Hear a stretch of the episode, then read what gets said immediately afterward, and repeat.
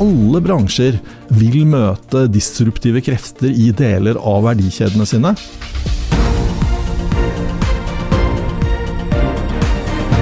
Dette er All In med Oslo Business Forum. 1.1.2007 overtok dagens gjest Rune Bjerke som konsernsjef i Norges største bank, og fikk finanskrisen rett i fanget med alt det innebar allerede året etter. Han har gjennom sine 13 år på toppen av DNB vært en tydelig stemme for endring, innovasjon og omstilling.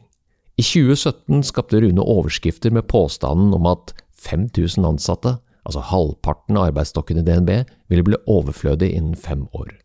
Nå har han overlatt ordet til Kjerstin Bråten og hennes team, og vi gleder oss til å høre hva han tenker om innovasjon, og hvordan bygge kapasitet for innovasjon i en organisasjon. Det jeg vil vite mer om er 1. Finnes det en oppskrift for innovasjonsarbeid, og hvorvidt kan denne benyttes av andre? 2. Hva er i tilfelle de mest kritiske faktorene som må være til stede for å bygge innovasjonskapasitet i en organisasjon? Og 3. Om jeg får det til, er det toppledelsen som er katalysatoren for innovasjon i en organisasjon. Mitt navn er Tor Haugnes. Jeg er pedagogisk leder i All In og jobber til daglig med innovasjon og innovasjonskapasitet som ett av flere sentrale temaer i våre lederprogram. Velkommen til podkasten All In med Oslo Business Forum, en podkast for ledere som er lidenskapelig opptatt av ledelse, innovasjon og strategi.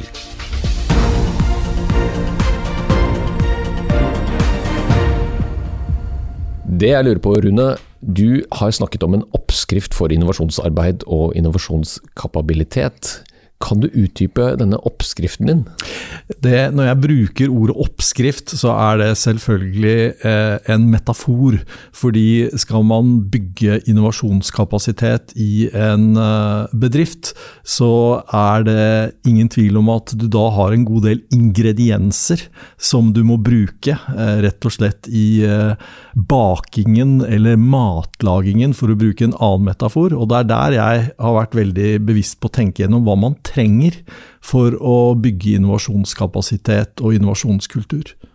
Og Når du sier at man trenger dette, så disse bestanddelene eller ingrediensene, har du, har du de, sånn, en liste over de, en rekkefølge over de, eller noe sånt? Nei, men det er jo liksom noen åpenbare eh, ingredienser. Da. Eh, kulturen i organisasjonen er én ingrediens. Eh, av det så kan du avlede engasjementet blant de ansatte som en annen ingrediens. Altså En av hovedutfordringene i de aller fleste organisasjoner er jo mangel på engasjement. Så har du dette med arbeidsprosesser. Hvordan jobber man sammen i organisasjonen? Så har du dette med ledelsesprinsipper. Hvordan styrer man og utøver makt og myndighet i organisasjonen? Og selvfølgelig så har du eh, dette med kompetanse. Hva slags kompetanse har du i organisasjonen? Eh, hvordan utvikler du kompetansen, og hvordan får du en riktig miks? Og Her er det jo ikke to organisasjoner som er like, men det er det for en, for en leder eller for et styre å være bevisst eh, hva man er i besittelse av, og hva man må forandre eller gjøre noe med for å øke innovasjonskraften. Jim Collins snakker om dette med å ha de riktige menneskene på bussen. Du, du, kjenner til uh, Collins og The Right People on the Boss. Er, er, det sånn du har tenkt? Er det dette du har hentet inspirasjon fra, Rune? Nei, men det er jo mange som har skrevet om ledelse, som uh, understøtter og underbygger dette med sammensetning av de ansatte og, og, og, hva slags ansatte du har. Men det jeg har sett, da, både på fotballbanen og i næringslivet, det er at, at du kan ha et toppteam som enten ikke skårer mål eller presterer på banen eller som ikke skaper resultater. Så du har aldri noen garanti for å, å lykkes med de rette folkene på bussen. Altså Det er noe med å få uh, de rette folkene på bussen til å være engasjerte og til å jobbe godt sammen. Og det er noe mer enn at de bare er, er de rette, da. Men Når du snakker om engasjementet og disse menneskene som skal samhandle, for det er vel det som er litt nøkkelen her. Samhandling med mennesker som kanskje er litt ulike. Så diversity, som man gjerne snakker om. Hva er hemmeligheten her? da? Hvordan få denne, denne røringen av de, de ingrediensene til å bli et bra bakverk? Jeg tror det er utrolig viktig at de du har rundt deg da, eh, som en leder, at de er trygge. At de er trygge nok til å si fra, eh, til å komme med tankene sine, forslagene sine, motstanden sin. Men også at de folkene man har rundt seg er trygge nok til å vise hvem de er. Eh, jeg har flere ganger blitt utrolig overrasket eh, av å ha sett nye sider ved nære medarbeidere. Det kan være i sosiale sammenhenger hvor de virkelig overrasker. Eller det kan være i eh, heftige runder på jobben hvor de viser lederskap på en måte som du kanskje ikke hadde trodd de ville klare å gjøre. Så det er, det er, det er dette med å utløse disse kreftene da, som er viktige for, eh, for, ledere. Men Er dette personligheten eller er det atferden til folk vi snakker om nå? Altså Både lederen som åpner for denne interaksjonen og motstanden, eller kan det være en kultur, eh, beskrivelse av kultur? I, i, i, i DNB-tiden min så begynte vi å prate veldig mye om gi slipp-ledelse. Og når vi snakket om dette med gi slipp-ledelse, så var ikke det at lederne egentlig ikke skulle eh, være opptatt av hva som foregikk, men det var et uttrykk for at lederne skulle gi mer tillit. Uh, Istedenfor å, å, å utvise en form for mistillit. At de skulle kunne følge opp resultatutviklingen framfor å styre. Eh, at de skulle coache litt mer framfor å, framfor å lede. Altså sånne egentlig enkle ting, men som til sammen skaper større trygghet blant menneskene. Og trygghet tror jeg er utrolig viktig for både å bli engasjert og til å være nysgjerrig, og til å, og til å, til å være med på å endre eh, resultater og retning på en virksomhet. Da. Som du hører, prøver jeg å få Rune til å dele sine tanker om hva ulike ansatte trenger for å prestere, koblet til innovasjonsingrediensene hans og derfor utfordret jeg han til å fortelle om et konkret eksempel som førte til endring i DNB. Vi hadde en som var god på sosiale medier tidlig, eh, som sa Rune, vi er, vi er, nødt til å vi er nødt til å leie Norges største skjerm eh, og slå opp på, på veggen utafor Oslo S. Eh, og så skal vi, skal vi, bruke Facebook til å be eh, både kunder og ikke-kunder fortelle eh, hvordan DNB, da, som navnet ble, skal bli en bedre bank. Jeg sa tror du noen gidder å skrive det på en, en Facebook-vegg som er hengt opp utafor Oslo S? Eh, ja, det tror jeg. Eh, så, så, sa men vi må, liksom, vi må ha noen premier og sånn. Ja, hvordan hadde du tenkt deg? Dette var 11.11.2011. Så sa eh, vi deler ut 1111 kroner hvert 11. minutt til de som kom med forslag. Jeg begynte å regne 1111 kroner i gangen. Hvor mange, altså 11 minutter, hvor lenge skal skjermen stå på sånn. Og det kom inn over, jeg tror over 40 000 sånne små og store historier, og det rocka helt til Palo Alto, så vi ble invitert. Vi var jo den første banken som fikk eh, ordentlig kule avtaler med, med Facebook. da. Så, så det, det, første banken på, på Workplace, da, eller Facebook at Work, og Finanstilsynet for å godkjenne det krevde at de måtte ha rett til stedlig tilsyn i Palo Alto. Det har aldri vært gitt til noen andre enn DNB. da. Så det er sånne sånn kule historiske ting. da. Så Ledelsens rolle er da å skape den kulturen som gjør også det mulig å, å, komme opp med ideer og konsepter som senere kan rulles ut. Og Der vil jo jeg jo tro at en stor organisasjon med mye ressurser og forståelse for hva de kan sette i gang, mm. har et fortrinn. Absolutt. Det, men, ja. men har de alltid et fortrinn? Nei, fordi store organisasjoner kan fort bli litt for store. Eh, det kan blitt, bli litt for mange miljøer som først og fremst er å bygge sitt eget miljø innenfor den store organisasjonen. Eh, så, så, de bygger små egne eller store egne imperier innenfor det enda større imperiet. Og det kan ofte blokkere for at helheten vinner og helheten tjener. Så det å da hindre interne kamper, det å hindre omkamper, det å sørge for at liksom alle vil hverandre vel, eh, og alle vil at helheten lykkes. Da. Det er eh, utrolig viktig eh, å, å, å, jobbe med for en leder. Og Det høres jo fantastisk fint ut, men du har jo blitt kjent for at du annonserte at vi, 10 000 ansatte i DNB, vi om kort tid kommer til å være noen færre. Som igjen ble tolket til at omtrent halvparten, kanskje ikke det engang. Jeg har jo møtt folk som har ment at det bør bare være et par hundre mennesker i DNB, for at de skal bare passe på systemene, og så skal resten gå automatisk. Fortell om det. Det viktigste er at en leder kan ikke si noe skråsikkert om hvor virksomheten er om fem år. Og Det viktigste en leder kan gjøre, det er å skape beredskap eh, og forståelser for at endringer vil komme og må komme. Sånn at man da liksom takler de endringene som kommer på en god måte. Og like lite som man vet om det blir halvparten så mange ansatte, vet man om det blir dobbelt så mange ansatte. For det er jo også trender som går i, i, i begge retninger.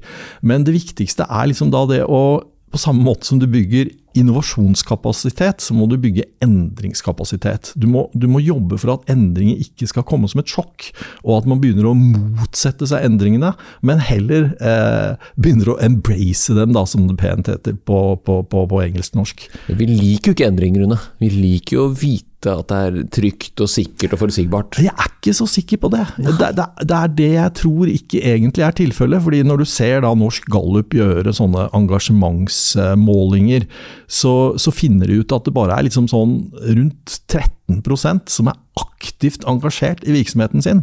Eh, og hvis det er så få som er aktivt engasjert, så betyr jo det at de ikke er noe særlig begeistra for å ha det akkurat sånn som de har det òg, tenker jeg da. Så, så, eh, det å skape aktivt engasjement også for endringer, da, det er, eh, tror jeg, noe som er uhyre viktig. I mai 2015 lanserte DNB den digitale betalingstjenesten for smarttelefoner, også kjent som VIPS. Lanseringen var spektakulær og førte til en rask suksess i antall brukere, selv om business-caset på ingen måte var ferdig uttenkt, siden tjenesten erstattet en av bankens sikre inntektsstrømmer, nemlig betaling. Rett fra 2015 var det flere mobilbetalingsløsninger i markedet. Apple Pay var lansert i 2014, og i tillegg fantes Googles Wallet. Og Det var også snakk om den gangen at Google jobbet med noe som så dagens lys året etter, nemlig Android Pay, som senere ble til Google Pay. Her i Norden var de mest kjente aktørene Danske Bank sin MobilePay, og i Sverige fantes Swish. I Norge hadde vi Mcash, som senere ble kjøpt opp av Sparebank1.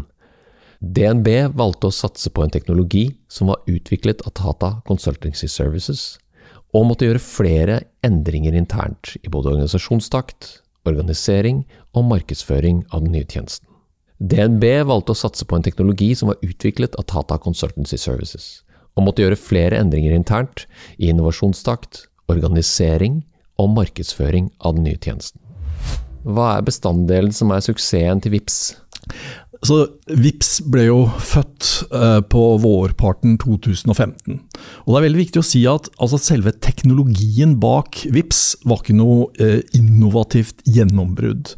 Det er også veldig viktig å si at VIPS uh, var noe som hadde blitt skapt av andre i andre markeder, selv om den hadde litt ulik form og utseende og karakter.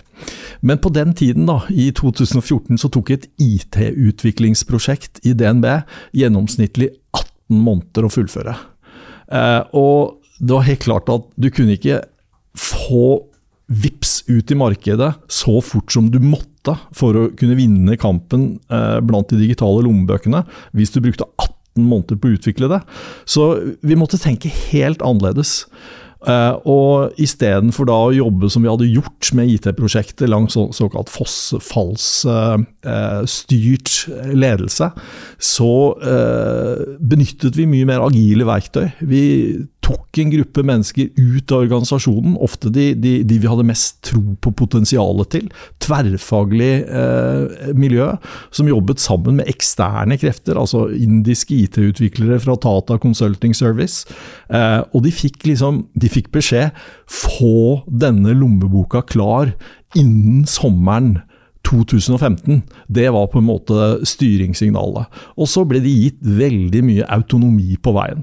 Og så paret vi da disse eh, IT-utviklerne og forretningsfolkene eh, fra linjen paret vi med kanskje de beste markedsføringsfolkene vi hadde. da. Og da blei det, det ble dynamitt ut av det, og, og historien kjenner vi. Mm. Og Schumpeter, da, som er min eh, helt fra entreprenørskap og innovasjonsundervisning, er jo opptatt av at eh, innovasjon kommer gjerne både fra organisatorisk, markedsmessig og teknologiske endringer. Og Vipps-caset inneholder jo alle tre. Så lurer jeg jo på denne her toppstyrte toppledelsesinnovasjonsdrivingen. Er det også en eh, nøkkel til suksess? Jeg tror sånn som VIPS ville ikke blitt utviklet så raskt og kommet ut i markedet så fort at det ble en vinner, hvis du ikke hadde hatt et styre og en ledelse som virkelig eh, delegerte eh, myndighet, og som virkelig lot eh, dette tverrfaglige miljøet få frie tøyler. Og i noen grad også frie rammer. Eh, vi brukte jo mye penger på å utvikle dette, markedsføre og lansere det, eh, og vi hadde jo ikke noe godt business case når beslutningene blei tatt. Så det var jo ut ifra en eh, tanke om at hvis vi ikke gjorde dette, så risikerte DNB, som da var markedsledende bank i Norge, å tape mye.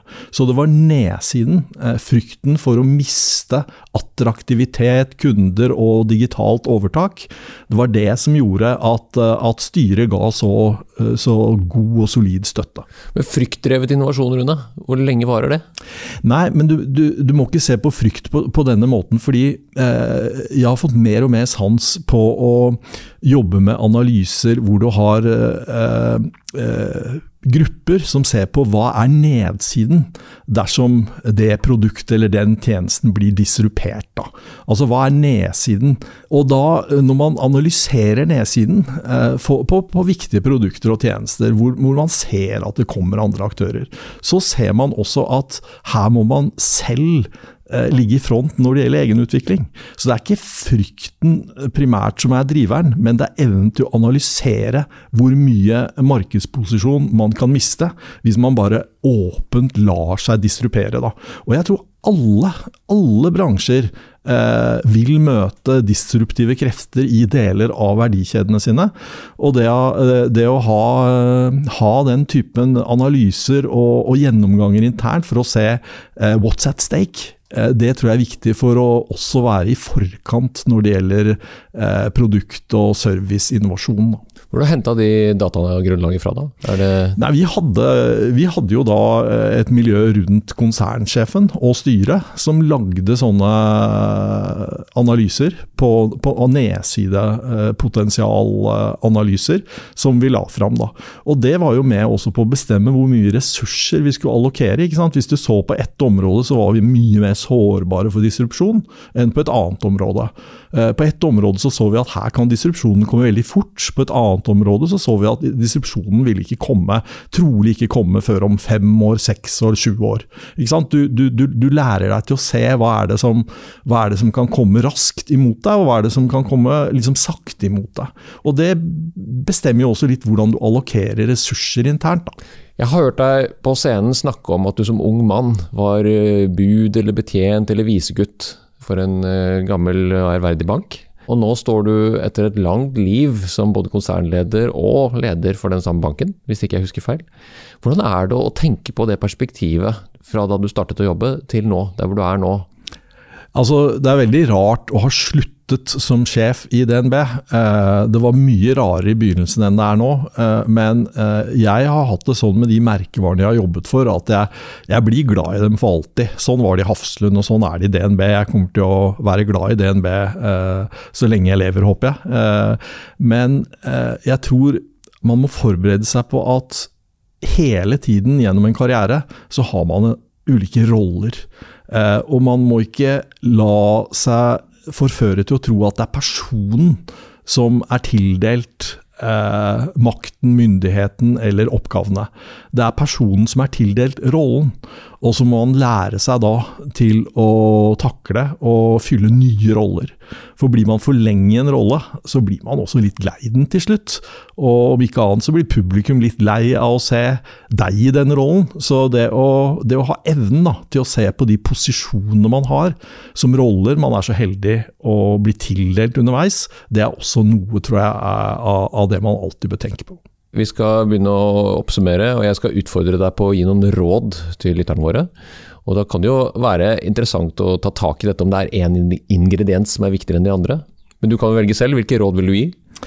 Jeg mener jo da at uh, det å tenke på sammensetning av folk uh, i organisasjonen er det viktigste. Hva slags kompetanse mangler man? Uh, hva slags kompetanse er det man kan utvikle mer av internt på de eller blant de medarbeiderne man, man har? Det mener jeg det er helt essensielt. Og så mener jeg dette med arbeidsmetodikken. altså hvordan velger man å jobbe med ulike typer oppgaver? Altså Det er jo åpenbart at når man jobber med eh, hvitvasking f.eks., altså du skal forebygge økonomisk kriminalitet, og du skal ha systemer og strukturer som, som, som, bidrar til å lykkes med sånn type arbeid, så må du jobbe litt annerledes enn når du skal jobbe med eh, utviklingen av en digital lommebok, da, for å bruke et eksempel. Så det er, det er, ikke, det én arbeidsmetodikk som er riktig overalt, eh, og det er det viktig da å velge riktig arbeidsmetodikk på, på, på de ulike områdene i virksomheten. Strålende. Tusen takk for praten. Bare hyggelig å kunne komme.